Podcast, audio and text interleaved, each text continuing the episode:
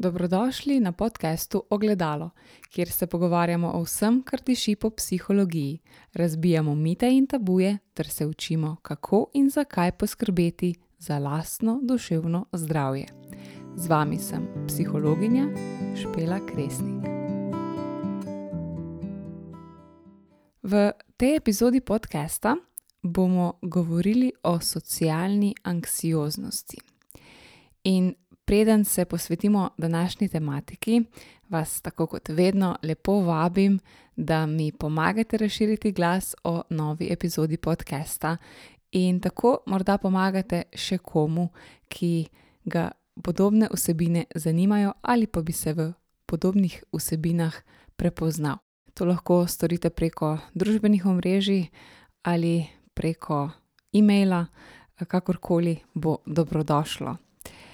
Lahko pa se na podcast tudi naročite in ga ocenite, če imate to možnost, kajti tudi to zelo pripomore k temu, da je potem podcast bolj viden. Za vsa vprašanja, komentarje in mnenja sem vam z veseljem na voljo preko e-maila ali preko zasebnega sporočila na Instagramu. Vsako vaše sporočilo, vsako vaše mnenje je dobrodošlo. Tako, pa začnimo z današnjo tematiko. Današnja tematika je torej socialna anksioznost. Nadaljujemo z anksioznimi motnjami. Socialna anksioznost ali socialna fobija je neracionalen strah pred tem, da se bomo osramotili ali da bomo ponižani strani drugih. Ta strah je lahko tako zelo močan, da se zaradi tega strahu izogibamo vsem socialnim interakcijam. Vseeno pa ne smemo posploševati, saj vsaka sramežljivost ne pomeni socialne anksioznosti. Socialna anksioznost je med različnimi anksioznimi motnjami najpogostejša. Za njo pa trpi dvakrat več žensk, kakor moških. Socialna fobija se v bistvu začne razvijati že v otroštvu oziroma v mladostništvu in je precej pogosta, potem pa čez leta pogosto tudi izveni, oziroma se postopno zmanjša do neke tako zelo obvladljive uh, zadeve. Vendar pa se ne zmanjša pri vseh ljudeh, namreč lahko se zgodi, da se tudi ojača. In če oseba doživlja nek pretiran strah, ki je stalen in ustraja, ter se razvije predvsem pred situacijami, ki zahtevajo neko socialno interakcijo, potem lahko govorimo o socialni fobiji oziroma socialni anksioznosti. Če bi to povsem posplošili, bi lahko rekli, da gre za strah pred drugimi ljudmi.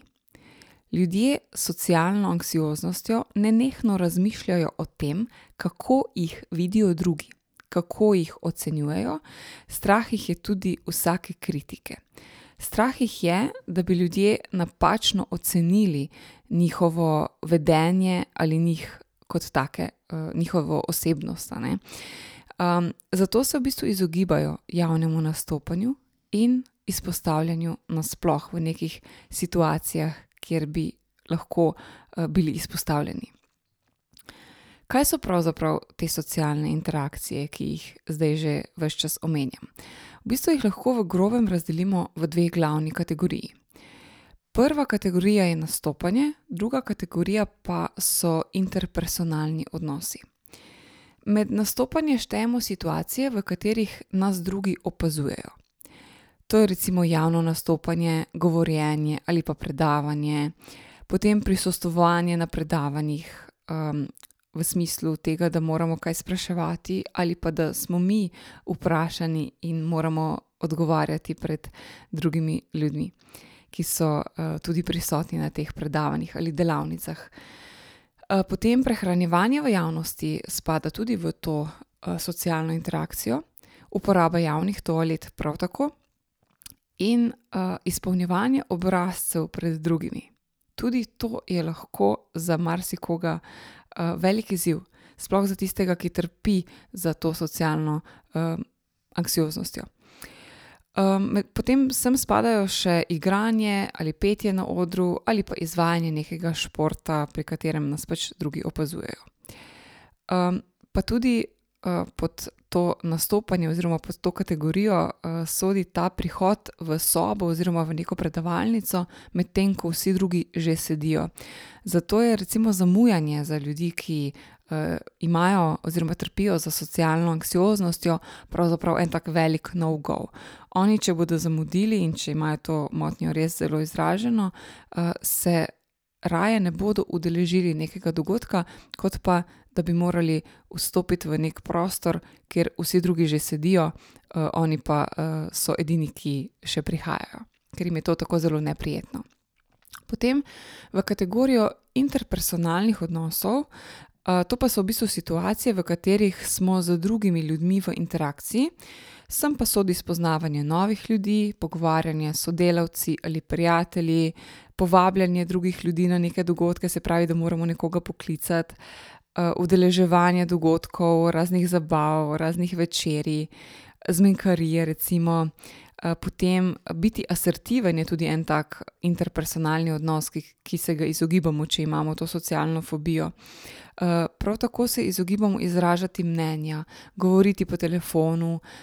Delo v skupini na projektu s sodelavci je lahko tudi um, spada v to kategorijo interpersonalnih odnosov, uh, naročanje hrane v restavraciji, vračanje kupljenega blaga v trgovino, recimo, če smo opazili, da nam nekaj ni prav ali pa da nam nekaj potem ni všeč ali pa da je nekaj s tem blagom narobe.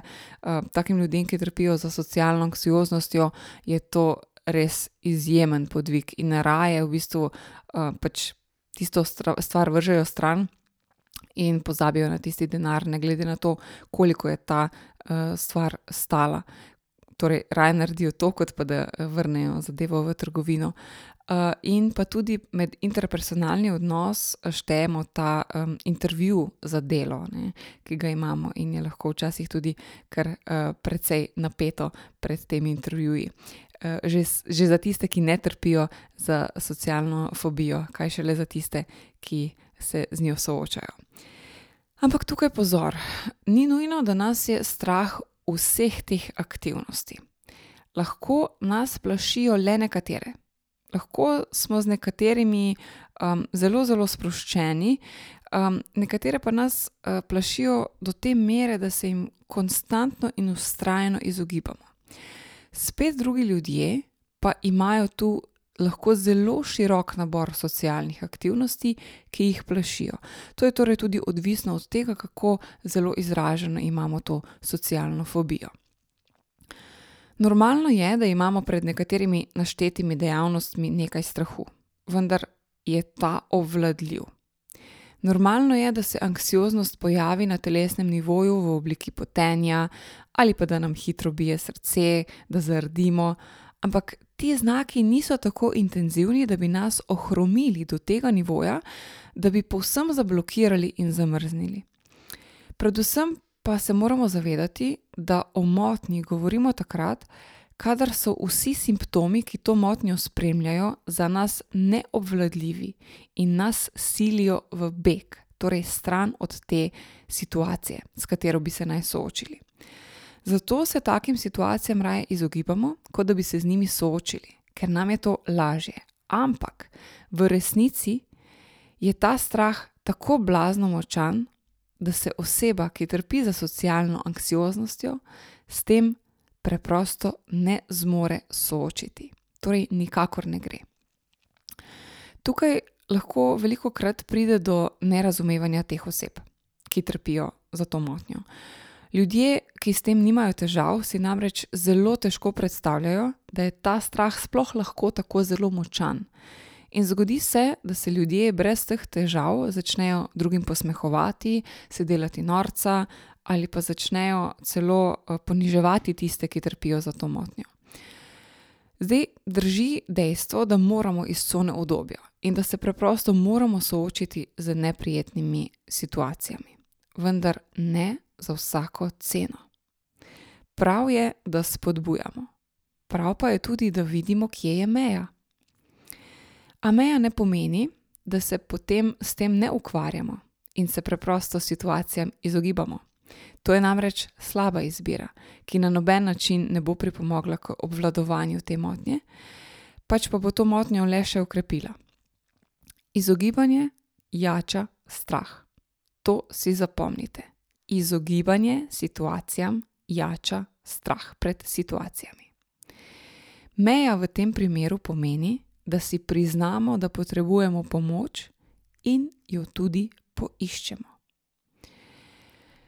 Če smo na drugi strani, torej če s tem nimamo težav, če nimamo težav s socialno anksioznostjo, namesto obsojanja spodbudimo človeka, da poišče strokovno pomoč.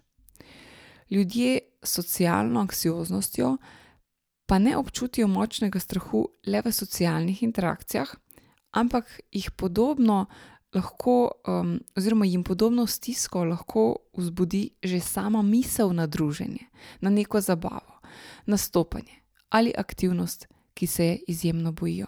Torej, oni, ko že pomislijo na to, da morajo iti na neko zabavo ali pa da morajo iti na neko večerjo, njih že misel na to ohromi in plaši in se jim zdi vse skupaj nepredstavljivo.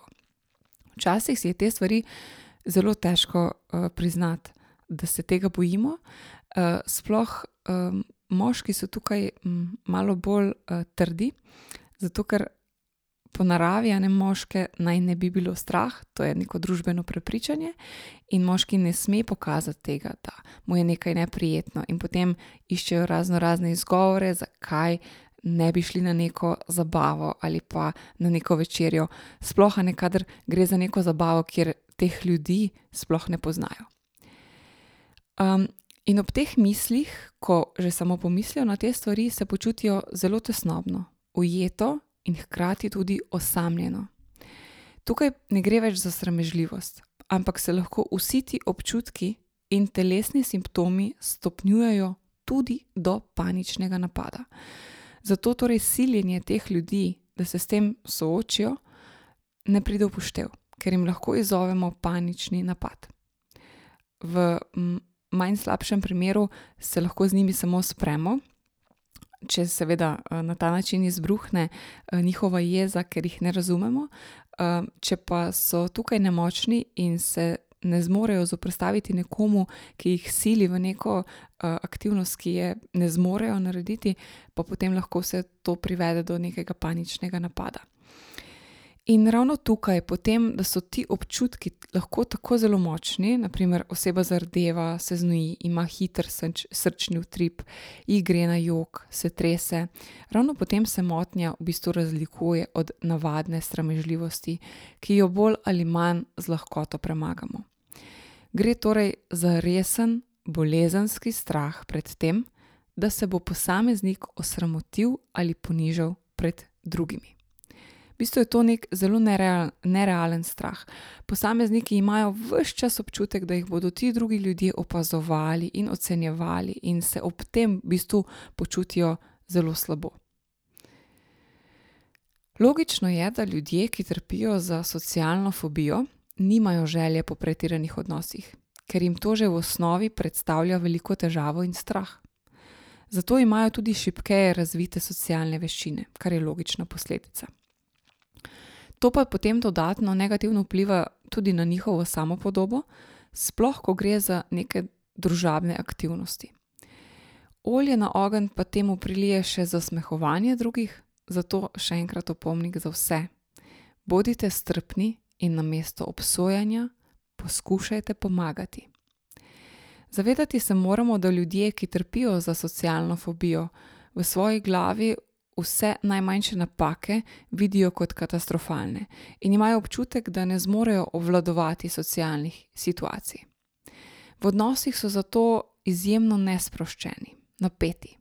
Zgodi se, da si kdo zaradi tega pomaga z alkoholom ali drugimi psihoaktivnimi stvarmi, ki navidezno sproščajo.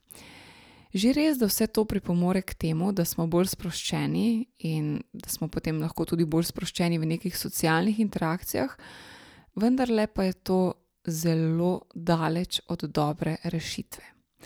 Alkohol in psihoaktivne snovi pomenijo beg in izogibanje. Če se spomnite, sem nekaj minut nazaj povedala, da izogibanje jača strah. Torej tudi alkohol in psihoaktivne snovi jačajo strah, jačajo našo motnjo. Skoraj 90 odstotkov ljudi s socialno fobijo ima vsaj še eno pridruženo duševno motnjo.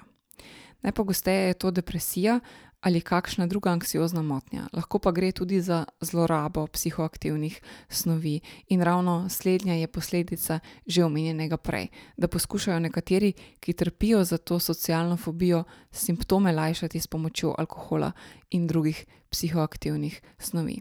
Pravzaprav je veliko tega na tem področju, ne veliko ljudi si skuša pomagati na ta način, ampak to so zelo, zelo kratkoročne stvari in, kot sem že omenila, pomenijo nek beg iz situacije, nikakor pa ne soočanje. Znani pa so tudi ekstremni primeri, ko ta socialna fobija ljudem preprečuje vsakršni stik z zunanjim svetom. In v teh primerih se posameznik izolira do te mere, da ne zapusti več doma in se popolnoma izključi iz socialnega okolja. Torej, sploh kot da se je ugreznil v jamo. Ampak to so res ekstremni primeri in jih zelo težko tako, da bi rekli, da jih opazimo kar takoj, in veliko med neko splošno populacijo. Če na hitro omenim samo še eno stvar, o kateri bi bilo na tem mestu vredno razmisliti. Internet in digitalna doba. Danes, ko imamo vse le en klik stran, je lahko to blaginja za ljudi, ki trpijo za socialno anksioznostjo. Praktično skoraj vse lahko dobimo na internetu, brez da bi morali s komerkoli kaj dosti komunicirati. In to postaja čedalje večji problem v resnici. Že samo zato menim, da bi morali to motnjo začeti naslavljati bistveno drugače. O tem bi se morali učiti v šolah. Nujno je, da bi že otroke in mladostnike opremili strategijami obvladovanja anksioznosti, ker take strategije poznamo in obstajajo. Imamo orodja, ki so tukaj zelo koristna. In glede na to, da vemo, da se korenine oziroma temelji te socialne anksioznosti postavijo ravno v obdobju otroštva in mladostništva, je tam nujno začeti oziroma odlična, idealna priložnost je, da začnemo tam.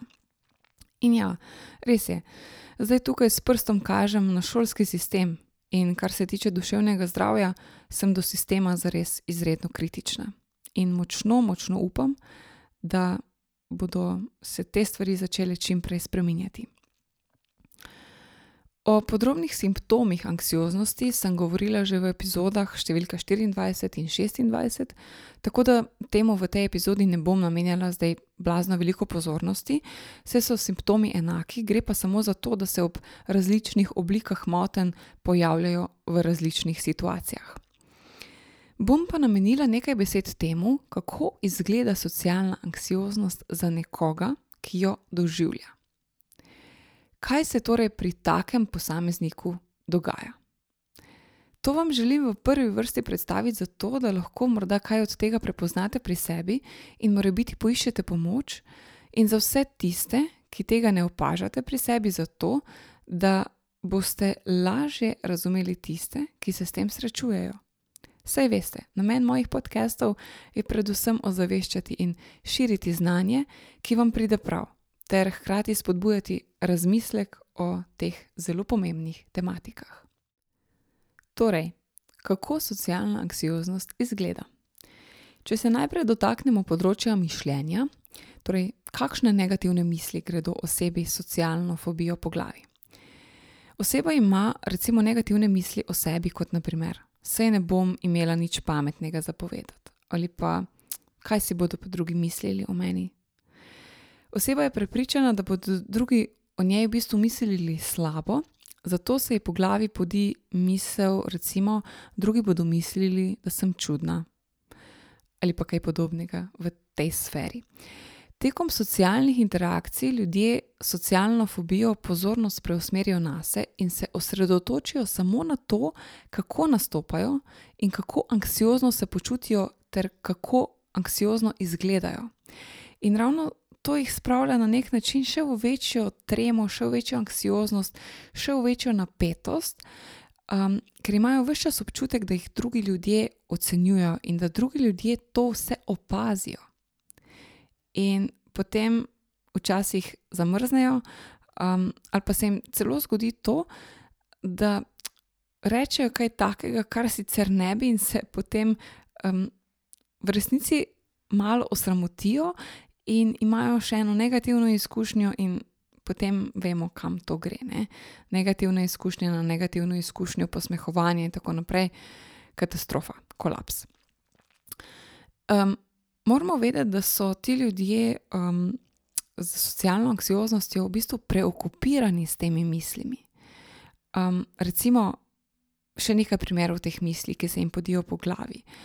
Um, rekla bom nekaj butastega, postala bom nervozna in drugi bodo to opazili. Ne bom jim všeč, zagotovo bom koga užalila, zagotovo bom kaj povedala narobe. Izpadla bom neumno. Nihče se ne bo pogovarjal z mano. Vsi me bodo čudno gledali.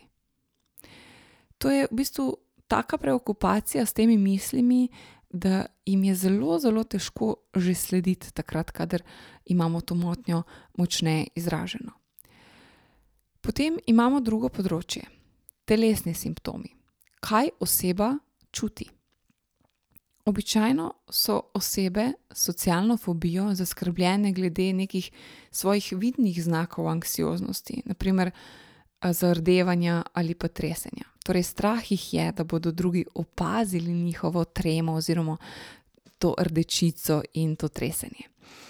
Zato te osebe tudi na telesnih simptomih zelo pogosto doživljajo to hitro bitje srca, imajo vznemirjen želodec, se lahko tresajo, imajo občutek, da jih duši, se potijo, zardevajo, imajo suha usta ali kratko sapo, se jim lahko malo vrti ali pa imajo en blag glavobol. Um, celo do zamegljenega vida lahko pride, ali pa jih zelo pogosto sili na vodo. Tretje področje pa je področje vedenja. Kaj oseba s socialno fobijo naredi oziroma počne, ko je v stiski zaradi svoje motnje? Osebe pogosto poskušajo zbežati ali se izogniti situaciji. Če pa že grejo v socialno interakcijo, pa se poslužujejo vedenja, s katerim se zavarujejo pred tem, da bi bili osramočeni ali deležni kritike. Naprimer, bojijo se, da bodo rekli kaj neumnega, zato raje ostajajo, ostanejo, ostanejo tiho. Uh, recimo, naprimer, lahko se zgodi, da se v celoti izogibajo neki zabavi ali pa da, če se je že udeležijo, jo zapustijo zelo hitro, ali pa uporabijo tako, tako imenovana vedenja v sili. V angleščini temu rečemo escaping behaviors. In ta vedenja v sili so recimo pitje alkohola, da se lažje sprostijo, izogibanje očesnemu stiku. Take osebe zelo težko vzdržujejo ta očesni stik očesni kontakt in potem jih zelo hitro prepoznamo. Potem uh, lahko so v teh socialnih interakcijah, torej, recimo, če smo zdaj pri zabavi, so vse čas tiho ali m, zelo malo govorijo, ali pa govorijo zelo tiho, takrat, ko jih kdo kaj vpraša. Lahko na drugi strani tudi začnejo m, druge um, veliko spraševati, samo zato, da preusmerijo fokus iz sebe na druge. In imajo tudi blazno obsesijo s tem, kako izgledajo, preden nekam grejo, in hkrati ne nehno preverjajo, kako izgledajo. Ne nehno so napeti in ne nehno sprašujejo, zdaj, če imajo partnerje ali prijatelje ob sebi, a zgledamo v redu, a mi je zdaj tukaj kaj štrli, um, a je vse v redu uh, z mojo obleko? In tako naprej. Tako da zelo en tak občutek dajo, kot da imajo potrebo po nenehnem preverjanju sebe, da um, ne, da, da zgledajo ok, da le drugi ne bi opazili, da um, je kje kaj narobe ali pa da imajo mogoče kje kako pikico, ki, je, uh, ki je tam, kamor ne spada.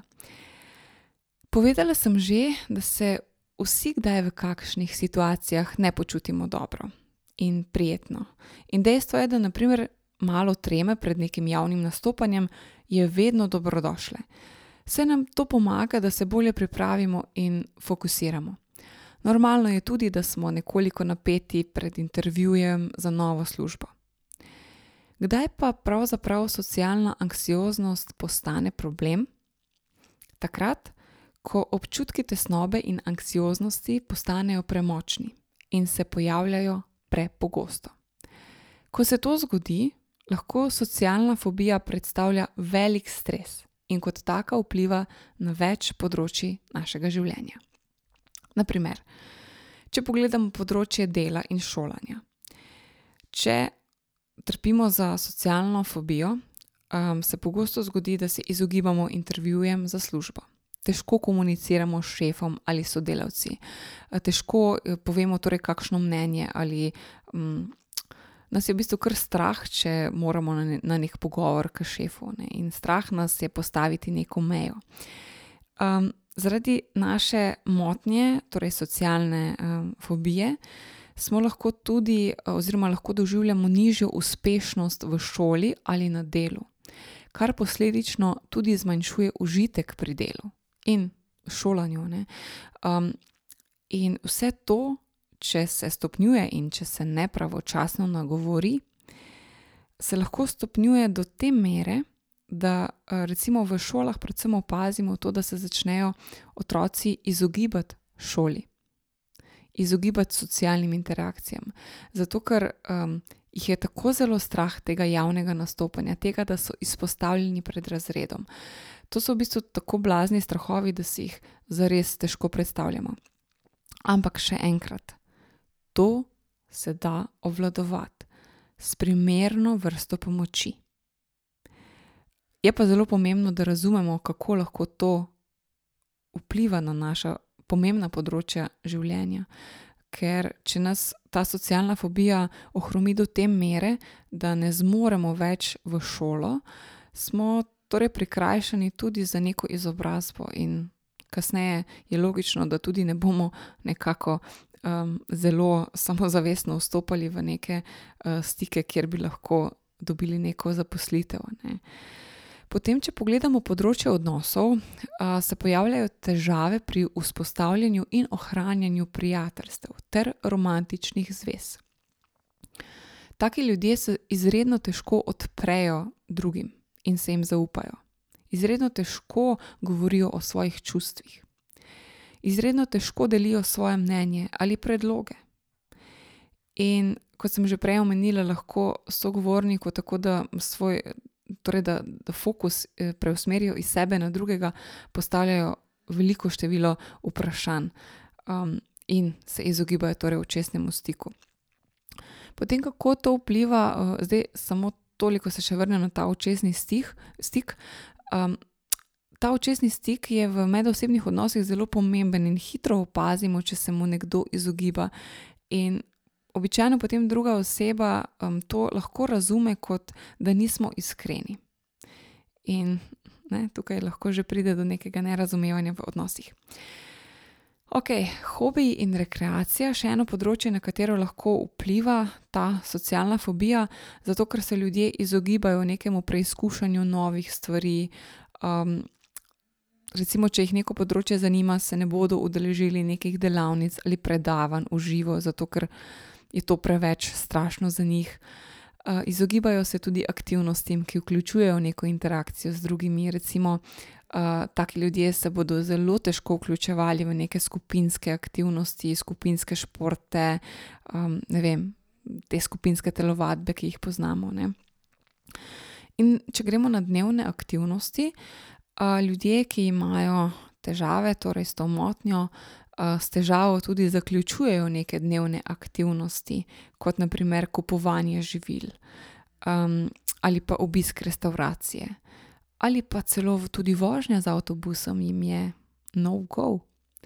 Zato, ker jih je strah, kako bodo izpadli, če ne vejo, kam naj grejo po karto, kje morajo zdaj potem um, se uh, štemplati in uh, je to zelo lahko en vir stresa za te ljudi, ker ni problem to, da tega ne znajo, tako velik kot pa to, da si ne upajo vprašati ljudi, ki bi jim znali povedati, um, kako se to naredi.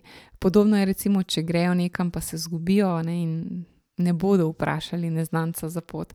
Sicer danes imamo že te rešitve s pametnimi telefoni, ko imamo te aplikacije, pa um, Google Maps, ne, in nam to lahko pomaga. Tako da to je zopet lahko en beg za tiste, ki um, si ne upajo vstopiti v interakcije z ljudmi. Torej, vedno, ko nas nekaj začne ovirati pri vsakdanjem življenju, je to znak, da te stvari več ne obvladujemo in da potrebujemo pomoč. Preden si pogledamo, kako si lahko pomagamo, oziroma kam v bistvu po pomoč, bomo opredelili še dejavnike tveganja za nastanek socialne anksioznosti. Poznamo več dejavnikov tveganja. Najprej je tukaj spol. Ženske pogosteje zbolijo za to motnjo kot moški. Um, naj bi bilo to tudi zato, ker moški pogosteje to motnjo prikrivajo z alkoholom in z uporabo psihoaktivnih snovi. Poleg tega pa tudi že v osnovi moški um, teže oziroma redkeje poiščejo neko strokovno pomoč na področju duševnega zdravja. Zato uh, je tudi mogoče ne, da niso vsi odkriti in da zdaj ne vemo točnega realnega razmerja. Glede na nekatere raziskave, naj bi bila verjetnost zbolevanja višja, če za to motnjo trpi že kak naš bližnji sorodnik. Potem uh, tukaj so odkrili tudi povezave med vzgojnimi slogi, torej uh, naj bi bila povezava med socialno anksioznostjo in nadzorujočimi ali pretirano zaščitniškimi starši, torej kontrol friki ali pa tistimi, ki um, skušajo otroke preveč zaščititi. Uh, potem to posmehovanje, ustrahovanje, poniževanje, draženje, ki ga doživljajo otroci. In tisti otroci, ki se s tem srečujejo, so bolj nagnjeni k razvoju socialne fobije. Torej, če so bili ti otroci takrat v obdobju svojega otroštva in mladostništva veliko krat zasmehovani, se zna zgoditi, da bodo to motnjo razvili potem kasneje. Lahko je dejavnik tveganja tudi konfliktna družina in spolne zlorabe. Seveda pa je lahko dejavnik tveganja tudi sam temperament otroka. Če je otrok že po naravi bolj sramežljiv ali plašen ali zadržan, sploh v nekih novih situacijah z novimi ljudmi. Um, javno nastopanje, spoznavanje novih ljudi in recimo napredovanje v neko vidnejše, na neko vidnejše delovno mesto lahko sproži prve simptome socialne fobije. Temelji pa so narejeni že v adolescenci. Ok, zdaj pa k pomoči. Kaj lahko naredimo sami? Nekaj o tem sem že povedala v prejšnjih epizodah, sploh v epizodi številka 21 in številka 22. Lahko dobite veliko koristnih napotkov, tako da vam priporočam, da pobrskate še po ostalih epizodah. Kot vedno je pri anksioznosti nasploh koristno, pa tudi za vse tiste, ki nimate težav z anksioznostjo, so te stvari uh, koristne. Uh, torej, koristno je, da se naučimo tehnik sproščanja, dihalnih vaj. Tudi yoga je odlična zadeva, meditacije. Ampak zdaj pri meditacijah, meditacije so za marsikoga še vedno en tak velik tabu, ker se lotevamo na napačen način. Če torej še niste nikoli poskušali z meditacijo, si dajte najprej dovolj časa, da vam bo torej, uspelo v tem smislu, da boste od izmalega zraste veliko, ne? da boste od, na začetku meditirali morda dve minuti, pa potem pet minut, pa potem deset, petnajst in tako naprej. Tako da počasi, počasi, počasi. Najbolj narobe, oziroma slabo v tem smislu, da potem odnehamo, je, da se lotimo meditacije in da si sprve, um, recimo, začnemo z meditacijo, ki traja 30 minut ali pa 15 minut, ker je praktično za nekoga, ki se ni nikoli srečal z meditacijo, um, je to tumač in ne bo zdržal, in tudi ne bo imel prijetne izkušnje. Zelo popularne so tudi te pozitivne afirmacije, ki so sicer same po sebi čisto ok, ampak moramo vedeti, da nam lahko tudi škodijo. To pa zato, ker preprosto ne moremo verjeti nekim afirmacijam, ker jih ne začutimo in nam to povzroča le še več stiske in tesnobe. Zato je potrebno biti pri oblikovanju teh afirmacij zelo pozoren, da ne gremo takoj iz ene skrajnosti v drugo. Naprimer, neka ženska, ki globoko v sebi verjame, da ni lepa, za njo afirmacija čudovita sem, nikakor ne pride v poštev. Bolje je, da bi začela z afirmacijo v smislu: sem kar ok ali pa izgledam kar v redu. In šele potem, ko osvoji to, gre naprej na afirmacijo: lepa sem ali pa zelo dobro izgledam, in potem zopet naprej, in tako pride do afirmacije: čudovita sem. Ampak da se razumemo, ne v enem tednu, niti ne v enem mesecu, gremo počasi in vztrajamo. Saj tudi prepričanja v smislu nisem lepa, nismo dobili v enem mesecu, kaj ne? Vseeno pa se je potrebno zavedati, da samo pomoč včasih ni dovolj in potrebujemo še neko strokovno podporo. Običajno gredo temelji anksioznosti z roko v roki s samopodobo, kar pogostokrat pomeni, da bodo prej omenjene tehnike delovale bolj ali manj kratkoročno. Odvisno seveda od tega, kako zelo izražena je ta motnja. za neke dolgoročne spremembe ali pa ob nekih težje izraženih, anksioznih, motnjah oziroma, težje izraženi socialni fobiji pa moramo vseeno iti nekoliko globlje in poiskati oziroma pobrskati še po drugih kotičkih naše duševnosti, kar pa počnemo v psihoterapevtskem procesu. Ljudje žal pogosto predolgo živijo s socialno anksioznostjo in skušajo lajšati svoje težave z različnimi izogibalnimi ali obrambnimi vedenji in svojo motnjo v bistvu podcenjujejo. To motnjo običajno zdravimo s pomočjo psihoterapije, ki je v bistvu ena izmed boljših izbir v tem primeru. Zdravila, razen izjemoma, za to motnjo naj ne bi bila najbolj funkcionalna, ampak ker se običajno motnja pojavlja v kombinaciji še s čim drugim, je dobro, da o tem presodi ustrezen strokovnjak ali strokovni tim. Se je pa treba v vsakem primeru zavedati, da zdravljenje zahteva precej, precej dela na sebi. Ne le kot posamezniki, pač pa tudi kot družba bi lahko postali tukaj bolj aktivni in namesto da ljudi, ki so bolj občutljivi in sramežljivi in bolj mogoče introvertirani, marginaliziramo in izločimo iz družbe. Namesto da to naredimo, bi jim lahko pomagali na način, da bi jim pokazali najprej razumevanje in to, da so okej s tem, kar se jim dogaja, potem pa tudi pot, kako vse to obvladati. Sprejemanje je sicer prvi korak, ni pa rešitev. Drugo dejstvo je tudi, da čisto vseh verjetno ne bomo uspeli rešiti, kajti v osnovi mora imeti posameznik sam najprej željo, da se reši okov socialne fobije ali kakršnekoli druge duševne težave. Kakorkoli, vsaka sprememba nekaj stane. In prav je tako, saj potem, ko cilj dosežemo, to veliko bolj cenimo. Zato se vsaka sprememba na bolje preprosto splača. Drage poslušalke, dragi poslušalci, hvala, ker ste to epizodo poslušali do konca. Hvala vsem, ki ste že ali še boste na kakršenkoli način pripomogli, da ta podcast doseže čim več ljudi. Vaša podpora mi zares ogromno pomeni.